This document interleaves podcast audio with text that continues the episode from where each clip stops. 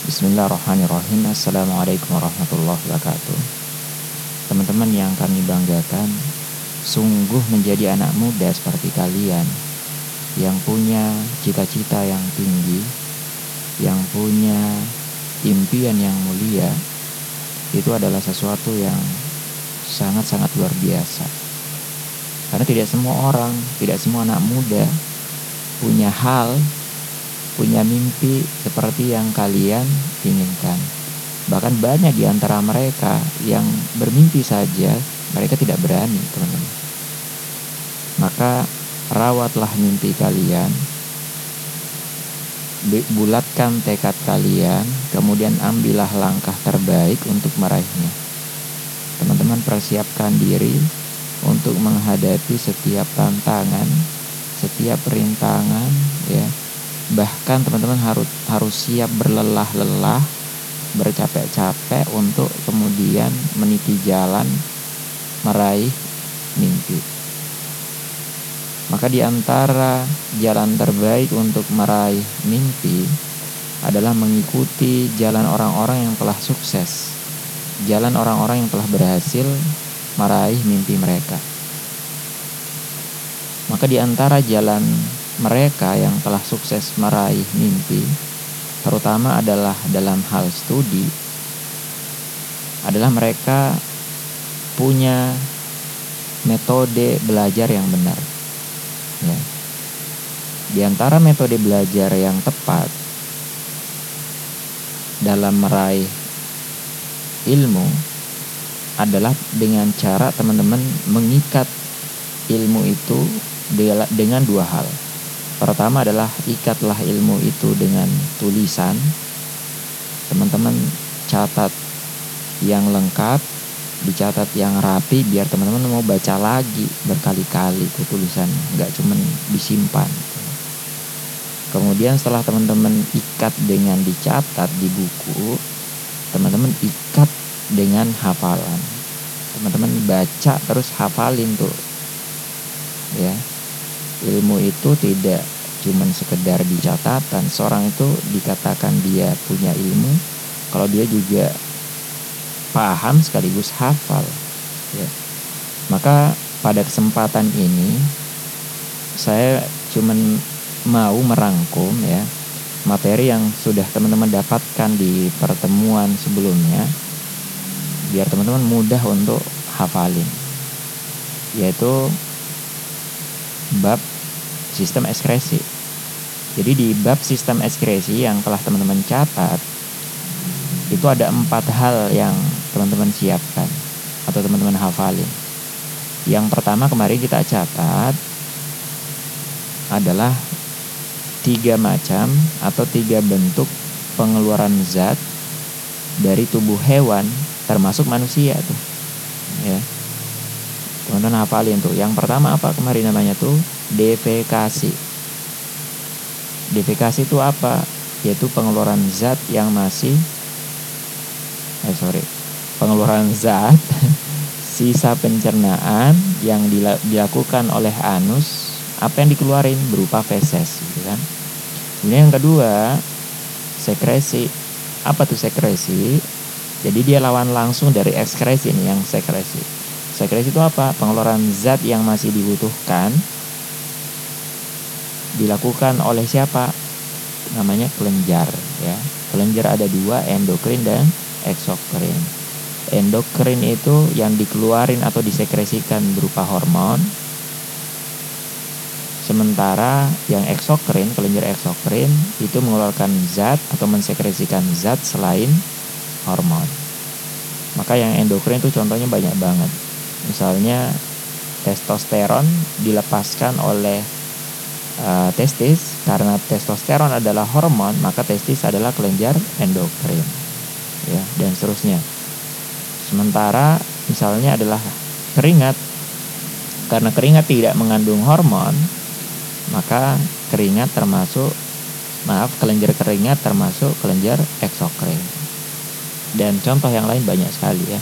Misalnya untuk yang eksokrin ada uh, kelenjar mamae yang mensekresikan ASI, kemudian ada hati yang mensekresikan empedu, ya. kemudian kelenjar di mata melepaskan atau mensekresikan air mata dan seterusnya. Kemudian yang terakhir, yang ketiga, bentuk pengeluaran zat yang ketiga yang jadi pokok pembahasan kita adalah ekskresi.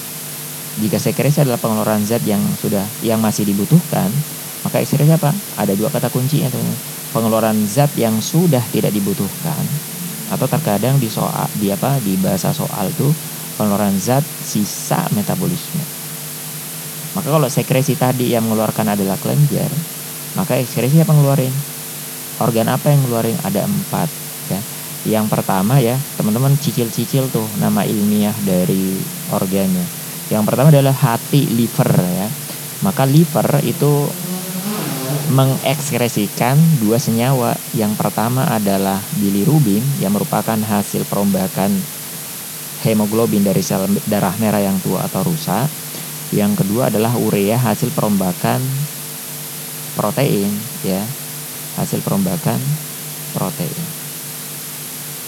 Atau boleh ditambahkan e, protein dan asam urat yang merupakan si apa namanya perombakan kelebihan senyawa bernitrogen. Itu tiga macam bentuk pengeluaran zat. Ya. Kemudian bahasan yang kedua yaitu tentang hati teman-teman. Nah di hati organ hati ini kemarin kita uh, kalau nggak salah baru nyatet tiga hal ya. Yang pertama fungsi hati, yang kedua bagaimana hati merombak sel darah merah yang tua atau rusak menjadi bilirubin. Kemudian yang ketiga bagaimana uh, siapa namanya hati merombak kelebihan senyawa ber, bernitrogen yaitu yang baru kita bahas berupa protein ya menjadi urea gitu. Maka ada tiga tuh yang hati. Maka total hafalan kita empat dengan yang pertama tadi ya. Totalnya ada empat.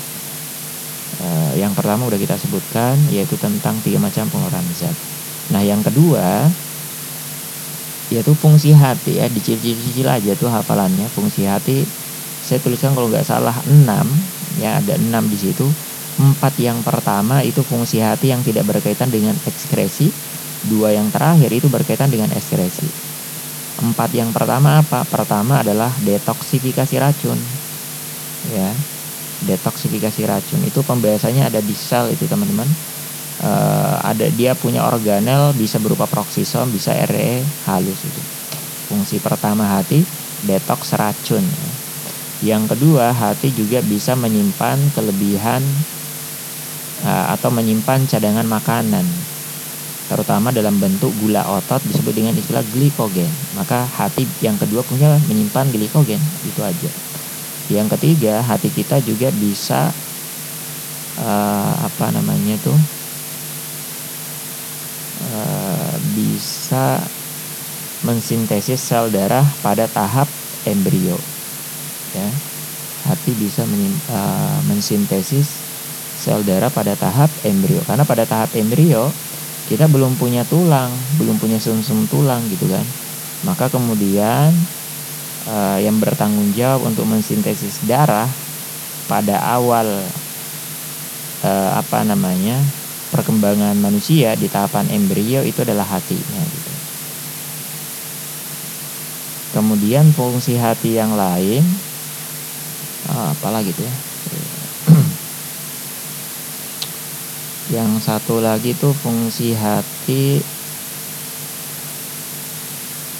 uh, men apa namanya uh, mensekresikan cairan empedu ya. Mensekresikan cairan empedu maka di situ uh, dia berperan sebagai kelenjar pencernaan ya. Dia disekresikan cairan empedu itu fungsinya untuk merobak lemak ya. Maka nanti disekresikan ke dua denum dari usus halus berperan untuk perobakan lemak gitu ya itu ya yang empat yang pertama teman-teman itu tidak ada hubungannya dengan uh, ekskresi ya adapun dua yang terakhir itu berhubungan dengan ekskresi apa itu yang dua pertama adalah merombak uh, sel darah merah yang tua atau yang rusak ya. Kemudian nanti hasil akhirnya berupa bilirubin. Yang kemudian yang kedua adalah merombak kelebihan senyawa bernitrogen yaitu protein dan asam urat menghasilkan urea eh, sorry uh, asam nukleat ya maaf merombak kelebihan senyawa bernitrogen berupa protein dan asam nukleat menghasilkan uh, urea dan asam urat nah, gitu. Nah, kita langsung aja ke fungsi hati yang pertama yaitu merombak kelebihan sel darah merah. Jadi sel darah merah itu ya disintesis oleh sumsum -sum tulang, kemudian dia akan bergerak atau menuju ke pembuluh darah. Di dalam pembuluh darah dia berperan untuk mengikat oksigen atau mengangkut oksigen. Setelah berumur 120 hari, sel darah merah sudah tidak efektif, tidak tidak optimal dalam mengangkut atau mengikat oksigen. Maka dari itu, dia harus segera dirombak untuk digantikan dengan yang baru. Maka kemudian sel darah merah yang tua atau rusak dibawa menuju ke organ limfa atau hati.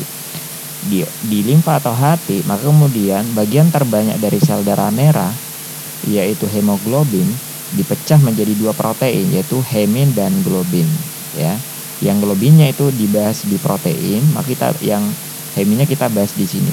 Hemin kemudian dikonversi menjadi uh, biliverdin ya ketika dikonversi jadi biliverdin dia melepaskan Fe2+ atau zat besi di mana zat besi ini bisa disimpan di hati atau bisa dipakai untuk bikin ulang sel darah merah atau HB yang baru gitu kan yang biliverdinnya lebih jauh dikonversi menjadi bilirubin ya nah kemudian bilirubin teman-teman ini menjadi bagian atau komponen dari cairan empedu yang oleh hati kita kemudian disekresikan melalui saluran empedu menuju ke kantung empedu baru ke duodenum atau bagian A pangkal dari usus halus disebut usus 12 jari. Di dalam sana cairan empedu ya yang isinya ada garam empedu, air dan kolesterol bersama bilirubin itu itu dipakai untuk mencerna lemak gitu. Perombakan lemak gitu. Nah, adapun yang khusus yang bilirubinnya kita cerita di usus halus dia teroksidasi ya teman boleh bilang teroksidasi atau teman boleh terkonversi ya atau berubah menjadi urobilinogen ya kemudian urobilinogen di usus halus sebagian diserap oleh usus halus dan dibawa oleh darah menuju ke ginjal. Di dalam ginjal urobilinogen kemudian terkonversi atau teroksidasi menjadi urobilin. Kemudian dia keluar bersama urin dan sekaligus mewarnai urin. Gitu. Nah kemudian sebagian dari urobilinogen yang ada di usus halus tadi itu berlanjut ke usus besar. Di dalam usus besar dia ketemu dengan feses karena di sana terjadi pembentukan feses ya. Yang kemudian di situ dia akan keluar bersama feses di mana urobilinogen dikonversi lagi menjadi namanya sterkobilin yang kemudian mewarnai feses.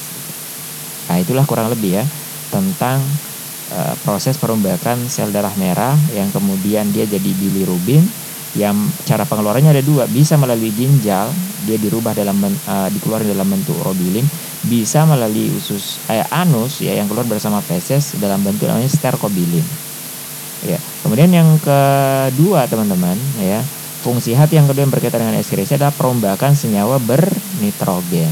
Nah perombakan senyawa bernitrogen itu ada dua senyawa bernitrogen protein dan asam nukleat.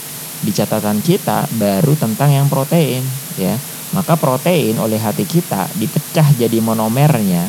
Batu batanya namanya asam amino. Asam amino yang mengandung unsur CHON ini kemudian mengalami namanya deaminasi ya, pelepasan gugus amina. Maka kemudian unsur CHO-nya itu kemudian dikonversi jadi karbohidrat atau lemak yang kemudian dipakai atau disimpan di tubuh kita itu digunakan bisa digunakan untuk respirasi seluler bisa kemudian disimpan sebagai cadangan makanan entah lemak atau mungkin jadi glikogen itu bisa nah, adapun yang unsur nitrogennya ya dalam bentuk NH2 gugus aminatu itu kemudian dikonversi menjadi senyawa lain sebelum dia dikeluarin. Kenapa? Karena NH2 ini sifatnya toksin gitu. Maka NH2 ini tergantung jenis makhluk hidupnya, tergantung jenis hewannya. Itu ada tiga macam cara pengeluarannya. Atau dia dikonversi menjadi tiga bentuk, teman-teman. tergantung jenis hewannya. Ada hewan yang sebelum dikeluarin NH2 itu dikonversi dulu jadi NH3 atau amonia.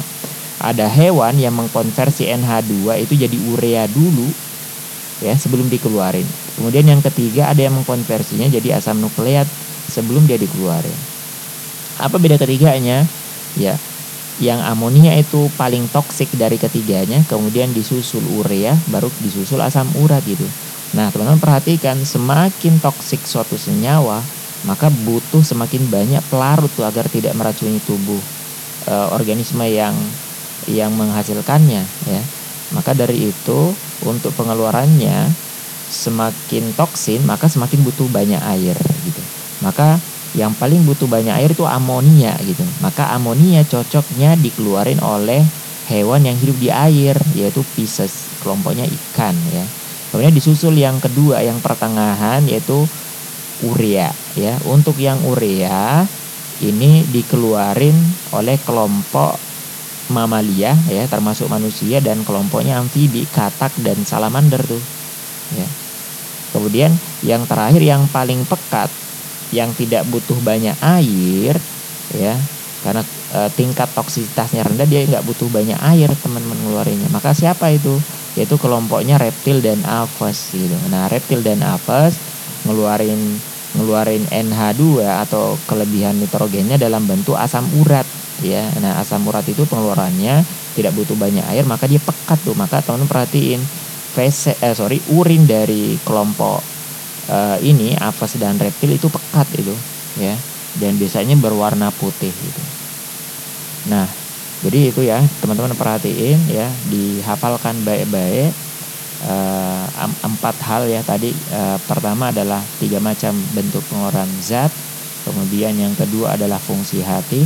Yang ketiga adalah bagaimana perombakan sel darah merah yang tua dan rusak sehingga kemudian keluar melalui urin dan urin dalam bentuk urobilin. Kemudian uh, keluar bersama feses dalam bentuk sterkobilin ya kemudian yang ketiga adalah bagaimana perombakan uh, senyawa nitro, bernitrogen terutama protein menjadi urea pada manusia atau dalam bentuk yang lain untuk hewan yang lain. Ya saya kira itu aja teman-teman ya untuk kesempatan kali ini.